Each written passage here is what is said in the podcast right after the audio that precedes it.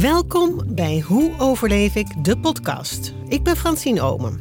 In elke aflevering spreek ik met iemand die mij gemaild heeft ter inspiratie van mijn nieuwe boek.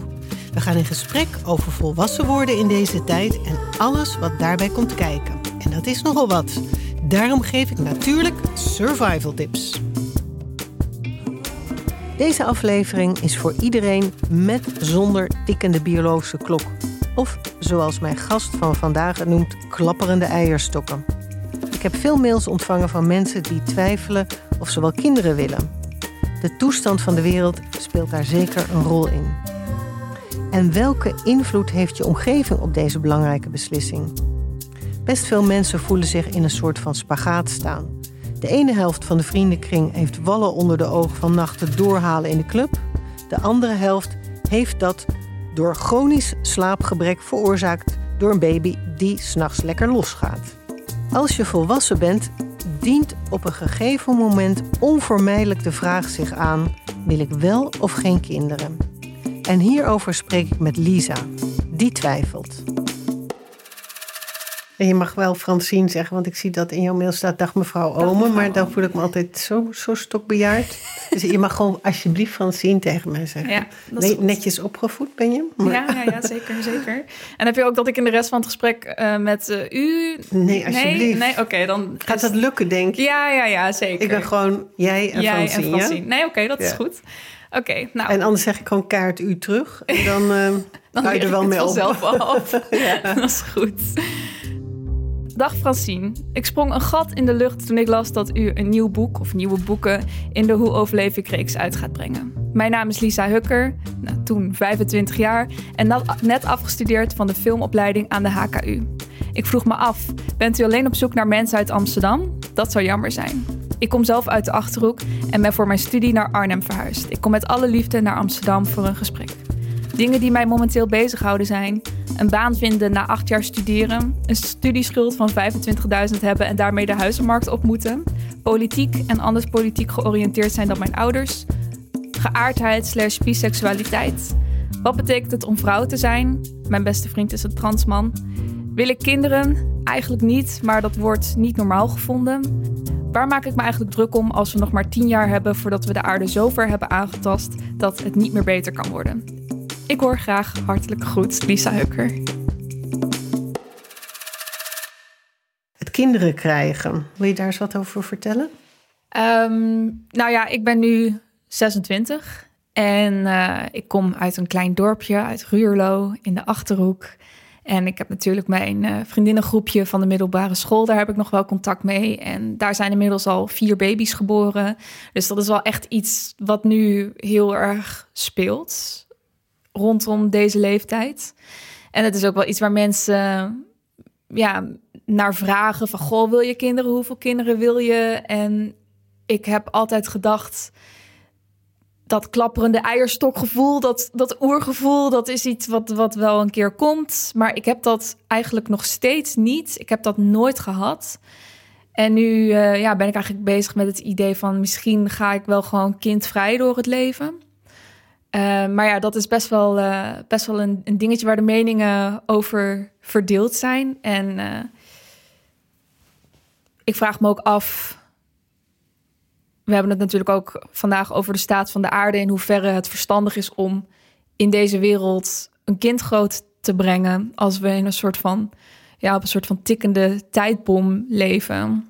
Ik weet niet of ik dat wil. Of ik dat een kind aan kan doen niet de post-apocalypse, maar de pre-apocalypse. Ja, daar zitten we nu een beetje in. Ja, zonder dat we het in de gaten hebben. En intussen gaan we gewoon lekker door. La, la, ja, we gaan precies, overal heen vliegen. En we eten lekker varkentjes op en, en dat soort dingen.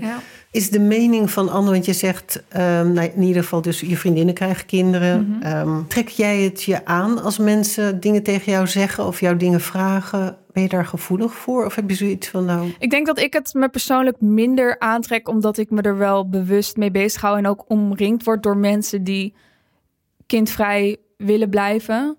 Maar ik kan me voorstellen uh, dat veel mensen wel degelijk die druk voelen vanuit de maatschappij. En het is ook iets waar je in principe word je ermee opgevoed dat je moeder moet worden. Ik weet nog dat ik toen ik vijf was, kreeg ik mijn eerste pop. Dat was een babyborn en daar was ik heel trots op. En op de uh, basisschool speelde je vader en moedertje. En dan op een gegeven moment ga je met je vriendinnetjes fantaseren over hoeveel kinderen wil je. Ik wil wel tien kinderen. En dan zei ik, oh, ik wil er twee. Ik wil een jongetje en een meisje. Dus het is iets wat het wordt. Er wordt vanuit gegaan dat je kinderen krijgt. Terwijl dat is.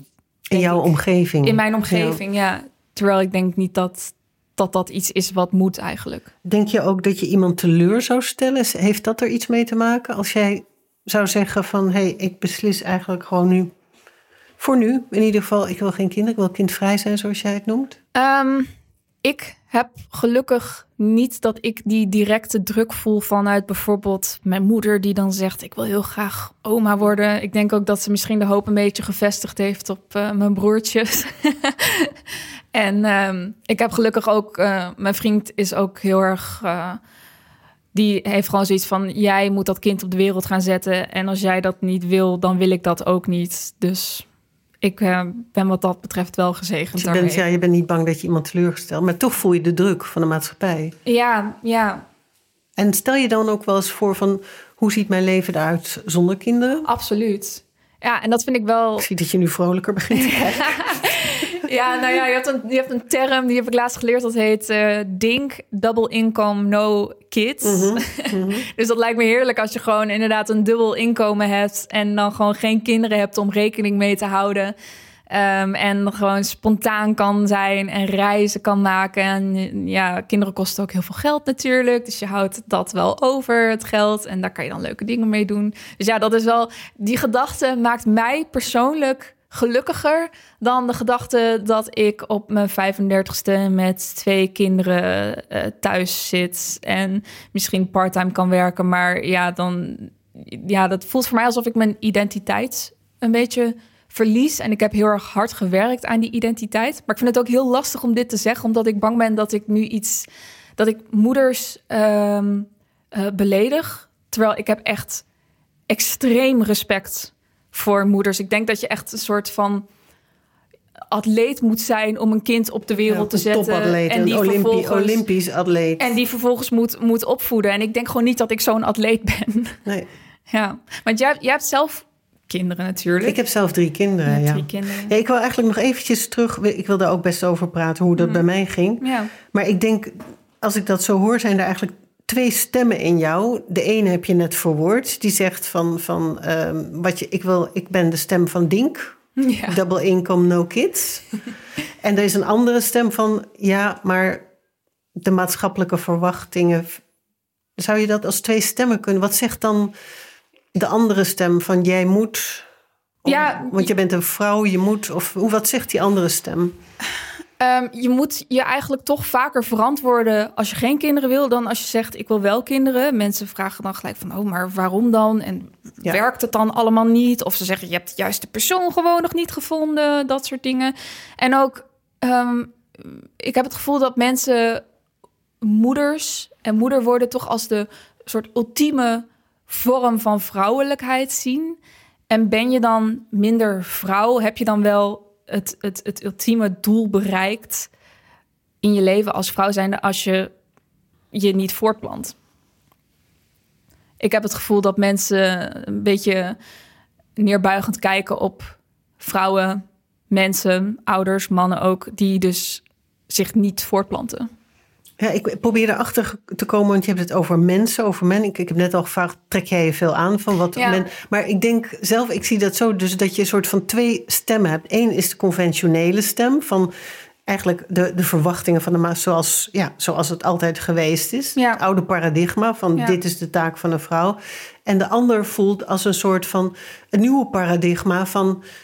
Ja, ik ben hier niet op de wereld gekomen om kinderen te baren. Dat is niet Mhm. mijn ultieme doel. Een beetje een soort van de oude en de nieuwe Ja, wereld die een beetje in Die jou in mij zitten. in ja, Ja. geïntegreerd zijn, geïnternaliseerd zijn. ja, ja. Je zou bijna kunnen zeggen dat is bijna een geïnternaliseerde stem van het patriarchaat. Ja, oh ja, zeker, zeker. Ja, en ik, ik ehm, omdat ik eigenlijk gewoon nog niet zeker weet wat mijn keuze is. Ik durf nu niet met zekerheid te zeggen, ik wil geen kinderen. Ik heb gewoon nu dat ik denk, ik, ik, ik voel dat niet, maar wie weet krijg ik over een jaar wel die klapperende eierstokken. Maar omdat ik het dus gewoon nog niet zeker weet, is dat wel een constante tweestrijd die in mij zit. En er is toch een bepaalde klok die tikt. Uh, ik ben nu dan 26, ik ben op mijn hoogtepunt van vruchtbaarheid. En dat gaat natuurlijk wel steeds, steeds ietsje minder worden. Dus ja, dat is wel degelijk iets wat, wat constant aan de ene kant en aan de andere kant. Nou, dus je hebt, je hebt eigenlijk gewoon, er zijn twee stemmen in je hoofd in conflict met elkaar. Ja, ja, ja zeker. En tussen die twee stemmen in sta jij, Lisa, centraal. Ja. En ik denk dat het ontzettend helpt als je gewoon ziet als stemmen. Van is een stem die zich die, de conventionele stem, die, mhm. die eigenlijk gewoon een soort van um, gevormd is door het patriarchaat. Ja. Door, we hadden het al eerder over de generaties voor ons. Mhm. Inderdaad, één of twee generaties terug was het inderdaad heel normaal. Zo kort geleden van dit is, dit is hoe jouw leven eruit zal zien als vrouw. Ja. Dat is nog heel kort geleden. Ja, klopt. En aan de andere kant zit een soort van, van de, de de nieuwe, de niet-conventionele, um, degene die zichzelf, die zichzelf wil uitvinden, volgens mij. Mhm. En ook op het gebied, want je zegt ook, je noemt ook geaardheid, biseksualiteit. Dat mhm. zijn allemaal een soort van breken met het oude en het uitvinden van het nieuwe. Wat is voor mij van waarde? Mhm. Hoe wil ik leven? Wie ben ik? En niet van moet ik in een mal passen en voldoen aan de verwachtingen van het patriarchaat. Het patriarchaat. Ja. Oh, oh, oh. oh, oh, oh, ja, zeker.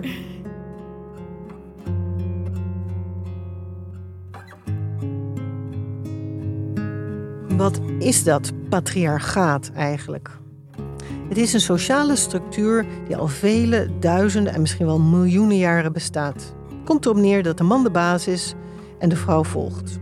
En de vrouw weinig in de pap te brokkelen heeft. Dat het patriarchaat zo populair is, heeft kort door de bocht een evolutionaire oorzaak.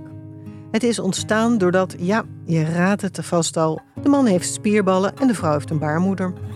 En die baarmoeder, plus de borsten natuurlijk, zorgen ervoor dat de vrouw over het algemeen niet met een knuppel achter de carbonades aanjaagt.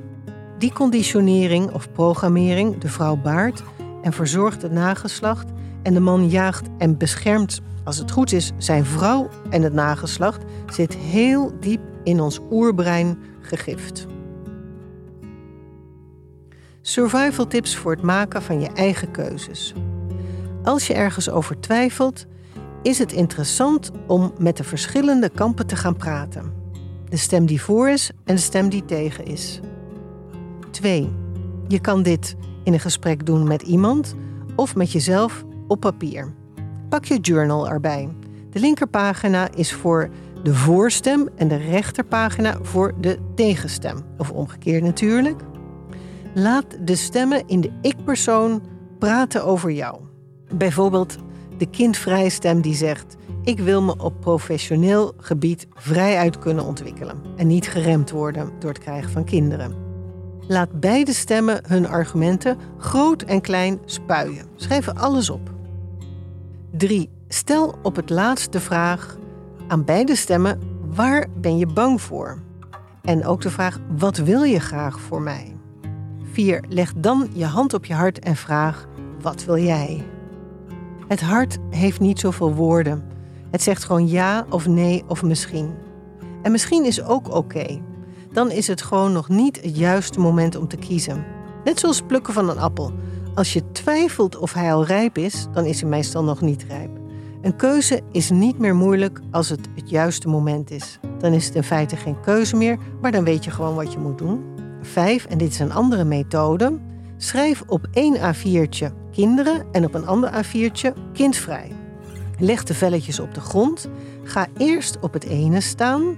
Doe je ogen dicht en voel. En doe dat ook met het andere velletje. Je kunt er ook nog een derde bij leggen. Ik hoef nu niet te kiezen. Ga daarop staan. Voel hoe het voelt. Wat vooral irritant is, is het malen in je hoofd. En dat wordt in feite veroorzaakt doordat je niet in het nu bent, maar in de toekomst. En dat veroorzaakt druk en een opgejaagd gevoel. Dat is eigenlijk helemaal niet nodig, maar opschrijven helpt. Terug naar Lisa en haar argumenten voor en tegen als ik denk aan de redenen waarom ik een kind zou willen, Dat heeft niks te maken met dat ik graag mijn genen door wil geven of iets dergelijks. Maar puur het doorgeven van mijn normen en waarden. En ik denk dat dat als ik een kind zou nemen, zou dat de hoofdreden zijn. Ja. Want als je kijkt naar, ja, ik vind het lastig om, om het heel uh, politiek te maken, maar ik denk dat je daar haast niet aan ontkomt. Maar dat vind ik wel heel spannend. Als je kijkt naar mensen die niet zoveel geven om de staat van de aarde, die bijvoorbeeld niet geloven in klimaatverandering, dat zijn de mensen die vaak veel kinderen krijgen en die brengen hun gedachtegoed weer over op die generatie, die dus dat gedrag weer voort gaan zetten. En mensen die, eh, zoals ik, zich wel zorgen maken en in die overweging geen kinderen nemen, die brengen hun gedachtegoed niet voort. En ja, dan gaat dat uiteindelijk weer heel erg scheef lopen. Dus ja, het is, je kan niet winnen. Eigenlijk moet je, ja. je kan niet winnen. nee, maar wat je wel kunt doen is je, is je gevoel volgen en je intuïtie volgen. En ja. ik snap, ik heb ook toen ik kinderen kreeg, heb ik ook gedacht. Toen zag de wereld er ook al helemaal niet zo rooskleurig uit. Maar heb ik altijd de hoop gehad, ik, ik ga mijn kinderen zodanig opvoeden dat zij gaan helpen de wereld verder te brengen op een goede manier. Mhm. Dat ze soort van ja, wereldverbeteraars worden. Ook, ook, misschien, al is het maar op kleine schaal. Ja. Maar in ieder geval iets positiefs bijdragen aan, aan de toestand van de wereld. Dat soort mensen zijn er absoluut nodig. Ja. En verder denk ik dat het nemen van kinderen, als ik dat op mezelf betrek, dat ik denk, ik geloof trouwens niet in kinderen nemen. Nee, dat, dat is een verkeerde uitspraak. Ja. Ik denk, Eens. ik ben van mening ook dat kinderen willen komen.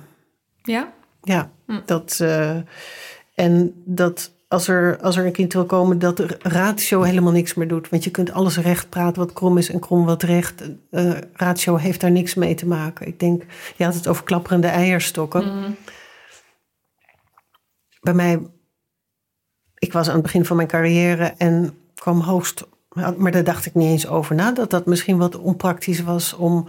Terwijl ik nog niet eens zo lang afgestudeerd was en helemaal aan het beginnen nog was met als. Maar ik wist gewoon, ik, ik wil graag een kind krijgen nu. Mm Er kwam geen ratio aan te pas. Kan je klapperende eierstokken noemen, maar. En hoe was dat dan toen je uiteindelijk een kind kreeg? Had je het moederschap geromantiseerd? Viel het tegen? Hoe was dat? Ik ben, ik ben niet iemand die. Ik ben nooit zo'n meisje geweest wat je net beschreef. dat fantaseerde over de, de mooiste dag van haar leven. in een witte jurk en een prins op een paard en een koets. en, en um, kindjes neemt. Daar, ik ben niet zo van het vooruitdenken. Ik ben heel erg van stapje voor stapje. en ik volg mijn gevoel en mijn intuïtie. Mhm. En ik heb wel zeker fascinaties en. en um, eigenlijk fascinaties vooral.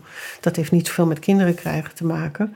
Maar um, ik heb er nooit van tevoren over nagedacht hoe dat zou zijn. Het klinkt misschien heel naïef, ja. maar het was gewoon iets wat wilde gebeuren. En dat volgde ik. Hm. Nou, dat lijkt me wel een hele fijne manier om zo in het leven te staan, intuïtief stapje voor stapje. Ik ben zelf totaal niet zo. Ik denk altijd echt 100 kilometer vooruit. Ja, ik heb het idee dat dat ook iets is van jullie generatie. Ja, misschien dat wel. dat en waarom komt dat, denk je? Nou, misschien best wel omdat de wereld een bedreigende plek is geworden en dat we dat ook allemaal weten. Toen ik in mijn toen ik jong was, er was nog geen internet, er was nog geen social media. We worden natuurlijk helemaal kapot gebombardeerd met van met een heleboel memes, met met met en daar word je onrustig van. Dat zorgt ervoor eigenlijk, denk ik, dat je heel erg gefragmenteerd raakt of zo. En niet gewoon met jezelf, je eigen leven en je eigen behoeftes. Uh, je bent heel erg ook met de behoeftes van de wereld mm. bezig. En nauwelijks meer met die van jezelf. Wat wil ik nou eigenlijk? Wat voel ik nou eigenlijk? Ja. Le niemand leeft meer hier en nu of zo. Nee, zeker. En dat komt denk ik inderdaad ook zeker door sociale media. En daar word je niet gelukkiger van. Nee, maar ik ben er zelf ook heel schuldig aan. Ik spendeer ook echt heel veel tijd op sociale media, maar ik word er echt niet gelukkig van. en dat is ook wel, dat, dat vind ik ontzettend schadelijk. Want door die algoritmes kom je in een soort van confirmation bias. Alles wat jij denkt, waar jij je mee bezighoudt, dat, dat wordt jou gevoed om maar tijd te besteden op dat platform. En je, je treedt niet uit je bubbel. En ik zit in mijn bubbel. En uh, de, de volgende persoon zit in zijn bubbel. En zijn bubbel is weer compleet anders dan die van mij. En dan krijg je dus weer die heftige polarisatie. En uh, dat, daar kan ik absoluut van wakker liggen. Ja, zeker. En hoe zou je daar zelf mee om willen gaan? Want je zegt, je bent er aardig verslaafd aan. Ja, ja ik denk dat ik... um, ja, ik, ik, ik neem dat best wel mee in mijn werk. Um, in mijn films die ik maak. Ik maak graag films over um, onderwerpen die eigenlijk niet bespreekbaar zijn. En over mensen die je normaal gesproken niet zult spreken. Mijn, die geen stem hebben? Die geen stem hebben, inderdaad. Mijn eerste film ging over um, een dakloos stel en hun liefdesleven. Uh, en dat is een hele ontroerende documentaire die, die eigenlijk ja, een, een, een gezicht geeft aan die mensen, die die mensen eigenlijk weer menselijk maken. Je loopt langs mensen heen die op straat zijn en ja, die hebben echt hun menselijkheid een beetje verloren. En um, zij, zij hebben echt wel andere meningen dan, dan die ik heb, maar dat maakt hen niet minder valide dan mij. Dus um, ja, in mijn werk probeer ik, probeer ik daar wel echt mijn steentje aan bij te dragen tegen polarisatie. Ja, door het licht, letterlijk licht te laten schijnen, de camera te zetten op datgene, op die dichtgeplakte ja, bladzijden. En dan mogen mensen hun eigen mening daar, uh, daarin vormen.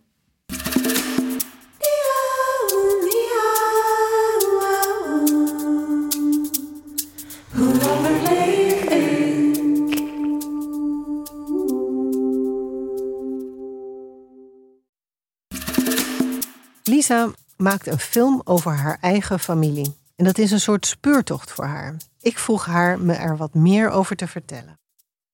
Ja, mijn film gaat over um, het NSB-verleden van mijn overgrootvader. Mm En um, eigenlijk het effect wat dat heeft gehad op de generaties die na hem kwamen. Dus mijn opa, die was elf toen de oorlog eindigde. En mijn moeder heeft daar ook nog de directe gevolgen van ervaren. En ik ben eigenlijk de eerste generatie die daar niet meer directe gevolgen van, uh, van ervaart. Dus ik ga eigenlijk met mijn moeder en mijn oma ga ik op onderzoek uit naar wat die man nou precies op zijn geweten heeft. Maar jij denkt dus dat dat geen gevolgen meer heeft voor jou? Nou, ik kom er in de film achter dat het misschien niet zozeer directe gevolgen heeft voor mij. Mijn moeder is daar gewoon echt nog persoonlijk op aangesproken. En die heeft mhm. op haar 17 ook besloten: ik ga niet meer met mijn achternaam door het leven. Want dat roept emoties op bij mensen en dat wil ik mhm. niet.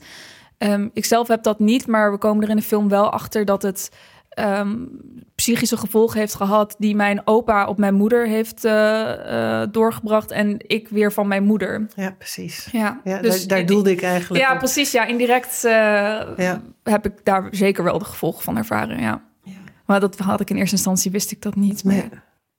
Nee, het, gaat, het schijnt zeven generaties terug te gaan. Zeven generaties? Oh, dat wist ik. Ja, nee, ja, maar uiteindelijk zijn er altijd... Na zes generaties beginnen er weer zeven generaties. Ja, precies, maar ja. Het heet uh, intergenerationele overdracht. Of intergenerationeel trauma. trauma of multigenerationeel trauma. Of, oh, nou, dan moeten we nog even... Ja, we denken altijd dat... Uh, ja, we wel iets met onze ouders te maken hebben, maar onze grootouders wordt al vager. Maar jij hebt dus door jouw project ben je erachter gekomen dat het wel degelijk. En, en waarin zou je dat. Waarin zie je dat? Waar, waar, ben heel benieuwd naar je ontdekking daarover. Ja, nou, ik heb op een gegeven moment een heel mooi realisatiemomentje met mijn moeder. Dat ze vertelt over hoe zij is opgevoed. En vooral dus door haar vader. En ehm, we komen er eigenlijk achter tijdens de film, dat wisten we helemaal niet, dat mijn ehm, opa dus in een uh, soort van opvangtehuis heeft gezeten. Dat heette de bijzondere jeugdzorg. Dat is opgezet voor kinderen die dus na de oorlog zonder ouders kwamen te zitten, omdat beide ouders werden opgepakt op verdenking van collaboratie. En dat is tienduizenden kinderen overkomen. Jeetje, dat wist ik helemaal. Nee, zeg nog eens hoe dat heette? Uh, de bijzondere jeugdzorg. Dat is de instelling die toen door de overheid is uh, opgezet. Na de oorlog? Na de oorlog, ja. Wow. Ja, ja dit is, het is echt uh, een soort van onder het tapijt geschoven. Dus ik ben ook heel erg benieuwd. Ja, ik ben heel benieuwd wat als mijn film uitkomt, wat dat teweeg gaat brengen. Maar um, ja, mijn opa is dus in zo'n huis terechtgekomen. En daar zijn kinderen echt ja, eigenlijk afgestraft voor de daden van hun ouders. Oh, bah. Krijg ja. echt helemaal kippenvel Ja, het is echt, echt dat, op, toen ik dat punt bereikte in mijn film, dacht ik ook echt, jezus, ik weet niet of ik hier nog wel mee verder kan. Je had geen idee dat je hierop zou stuiten. Ik had geen idee. En mijn moeder had ook geen idee. Ja, en um, nou, kinderen zijn echt... En hoe kwam je daarachter? Ehm, omdat mijn oma wel eens iets had verteld over dat mijn opa dan in een soort van tehuis terecht was gekomen. Maar ze zei in eerste instantie dat dat was omdat mijn opa na de oorlog uh, te mager was. Uh, en, uh, want, om gezondheidsredenen? Ja, om gezondheidsredenen. Toen ben ik een beetje onderzoek gaan doen. En toen. Um, Want hij was elf dus. Hij was elf jaar. Ja. Hij was elf jaar. En toen hij de oorlog afgelopen Toen de oorlog was afgelopen, dus in 1945, ja. En um, nou ja, toen ben ik wat meer onderzoek gaan doen van... goh, in wat voor huis zou hij dat dan, zou dan hij terecht zijn gekomen? En uh, nou, toen stuitte ik dus op de bijzondere jeugdzorg. En toen kwam ik dus achter een aantal namen van huizen... die bij mij in de omgeving uh, zijn. Want hij is dus opgevangen in Arnhem. Toen kwam ik op uh, de Heidepol. En toen ben ik met mijn oma gaan bellen van... goh, zegt de Heidepol jou wat? Ja, ja, dat zegt mij wel wat. En toen ben ik onderzoek gaan doen in het Gelders Archief... Toen heb ik zijn naam gevonden in het register van alle kinderen die daar dus hebben gezeten. En hoe lang die daar heeft gezeten. Hij heeft daar uh, eigenlijk precies een jaar gezeten. En wat er in die huizen is gebeurd is verschrikkelijk. Die kinderen zijn daar een soort van uh, ja, mishandeld, maar ook seksueel misbruikt. Ze zijn, mijn opa is onder andere opgesloten in de kelder drie dagen zonder eten. En uh, er was schurft, er was geen elektriciteit, geen warm water. Het was echt heel erg afzien. Dus nou ja, je kan je misschien En ze werden gestraft ja, voor de misdaden, voor de daden van de hun daden ouders, van, van de ouders. Ja. Want de, de ouders van jouw opa, Ja, die waren opgepakt. ja, ja. En waar, waar waren die gebleven? Ehm, nou, dat is nog weer een hele sidetrack. Ik weet ehm, nu enkel nog maar wat mijn overgrootvader heeft gedaan van mijn overgrootmoeder. ehm, dat heb ik nu eventjes links laten liggen, maar zij is dus ook opgepakt. Maar mijn overgrootvader die eh, heeft 2,5 jaar vastgezeten.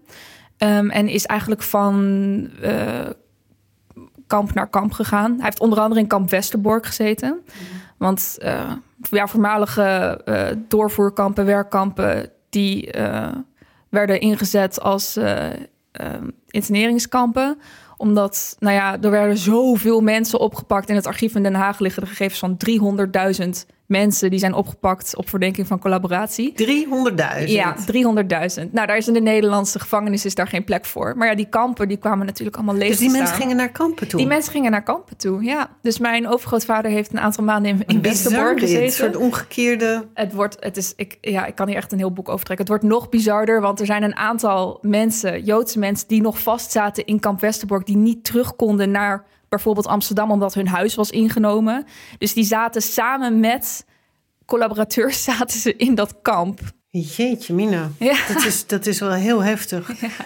En is jouw grootvader dan weer verenigd met zijn ouders? Ehm, uiteindelijk wel, ja. Maar eh, die relatie tussen hen was echt ontzettend stroef. Ik weet bijvoorbeeld dat, mijn, eh, dat zij niet op de bruiloft zijn geweest van mijn oma en mijn opa. Mijn opa die had echt een hele slechte relatie met hen. Met, met zijn ouders, Ja. ja. Ja, Ja, en dan intergenerationele overdracht. Want ze zeggen dat eh, trauma, het is niet de traumatische gebeurtenis, maar hoe die, die sporen nalaat, maar hoe ermee om wordt gegaan. ja absoluut. En dat is wat overerft naar de volgende generatie. Want het- daar, daar volgt een bepaald soort eh, idee over zo zit de wereld in elkaar. Dit ben ik, zo ben ik. ehm, dit kan ik verwachten van de wereld. En dat geef je door aan je kinderen. En de overlevingsstrategieën die daarbij horen. Ja, Door haar research voor haar documentaire stuitte Lisa op verborgen trauma in haar familie. En ze is zich gaan afvragen wat voor een invloed dat op haarzelf heeft. Wat weet jij over de jeugd van jouw ouders? Over hoe zij opgevoed zijn en wat voor een impactvolle gebeurtenissen er in hun leven geweest zijn? En wat weet jij over het leven van je grootouders? Hier zijn wat tips om het gesprek aan te gaan. 1. Timing. Kies een rustig, ontspannen moment en zorg dat er geen afleiding is in de vorm van een scherm, een ander mens of iets wat gedaan moet worden. 2. Het is vaak makkelijker over kwetsbare dingen te spreken als je elkaar niet de hele tijd aan hoeft te kijken. De auto is een beproefde plek. Begin alleen niet over moeilijke zaken tijdens verkeersstress of tijdsdruk. 3. Wat nog beter werkt is een wandeling. Wanneer heb jij voor het laatst met je vader of moeder gewandeld? Of met je grootouders natuurlijk. Nee, niet in de stad. Daar is veel te veel afleiding. Maar in de natuur. 4. Stel vragen. Bijvoorbeeld: Hoe was jouw vader? Hoe was jouw moeder? Was er plaats voor emoties in het gezin? Waren er bepaalde dingen die ze jou inprenten? Hadden ze tijd en aandacht voor je? Wat voor verwachtingen hadden ze van je? Heb je nare dingen meegemaakt in je jeugd? En hoe was jij zelf als puber? En je kunt ook vragen: was je gelukkig op mijn leeftijd? Waar liep je tegenaan? Was er iets wat je anders wilde doen met je kinderen dan jouw ouders? Wat heb je vroeger gemist? Waar heb je heel erg van genoten?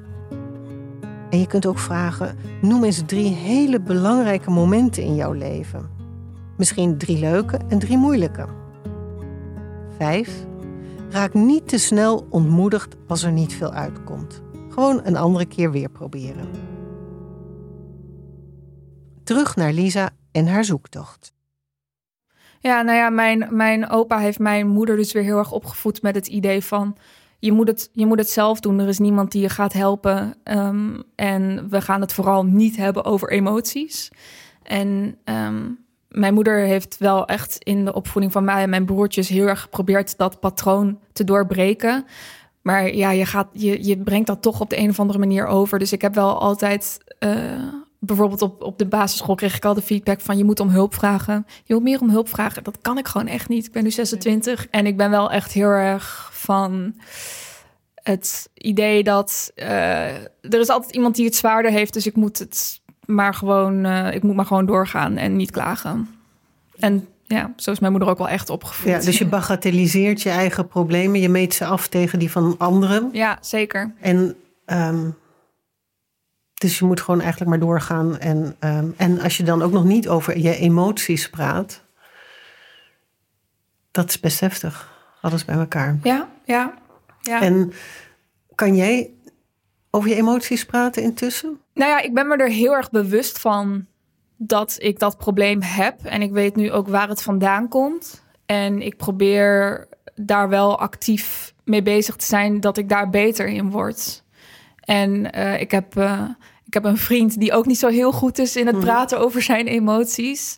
En uh, ik probeer hem daar ook wat meer in te helpen. En ik geloof dat ik daar wel echt beter in ben geworden ja, omdat ik er actief mee bezig ben en me ervan bewust In ieder geval heb je het herkend en erkend bij jezelf. En dat is het begin van verandering. Als je het niet herkent, laat staan erkent, mm dan, dan kun je dat niet veranderen. Maar ik heb ook wel heel veel therapie gehad hoor. Ja, dus je bent wel in therapie geweest. Ja, ja, ja, dat helpt ook heel erg.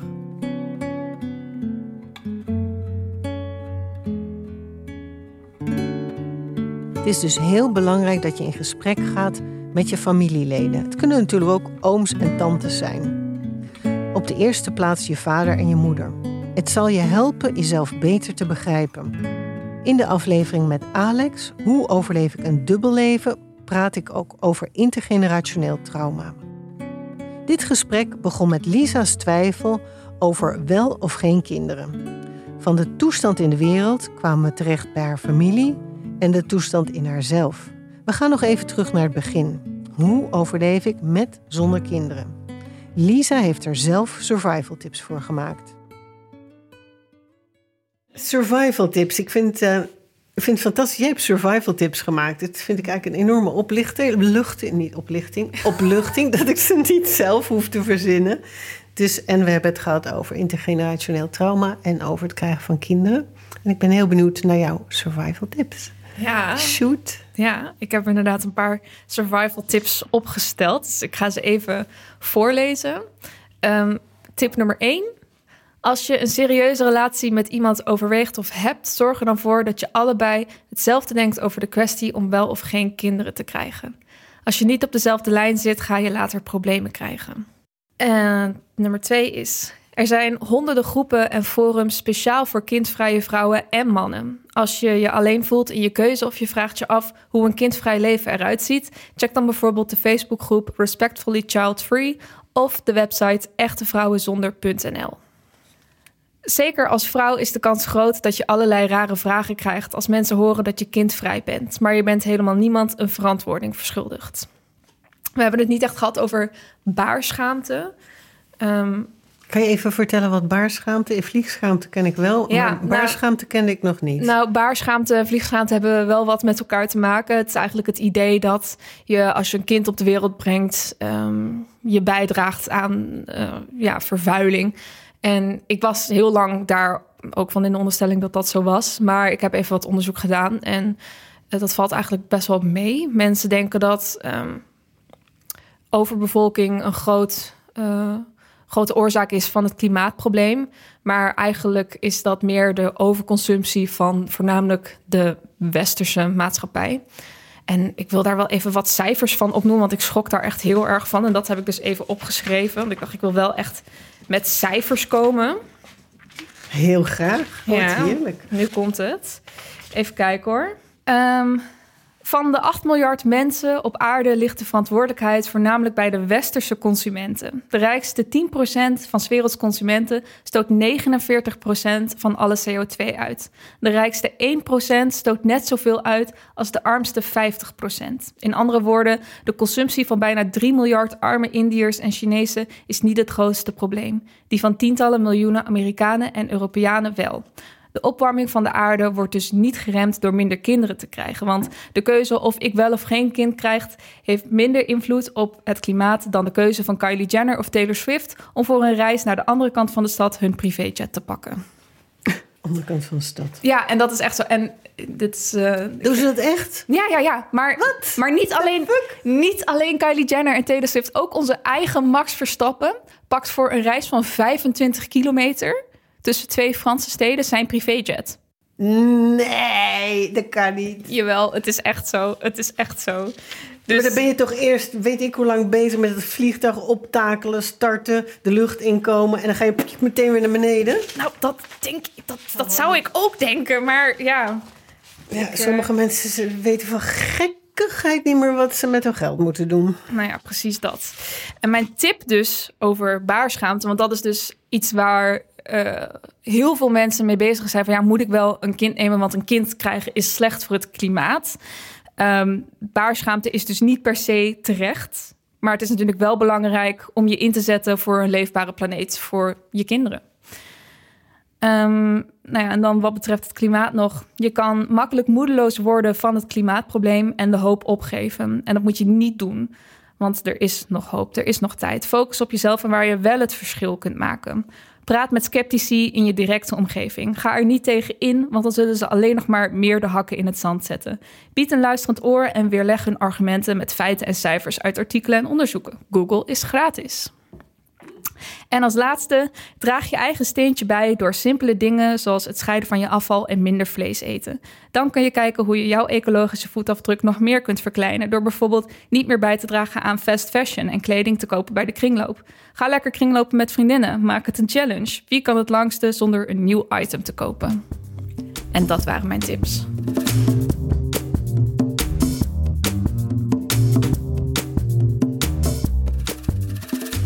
Het al of niet krijgen van kinderen is volgens mij uiteindelijk geen rationele beslissing, maar een beslissing van je hart, je buik, je ziel of hoe je het ook wil noemen. En wie weet is het ook geen keuze van jou, maar van het leven zelf. In Hoe overleef ik alles wat ik niemand vertel, speelt dit thema een belangrijke rol. Laat ik dit kindje komen of niet?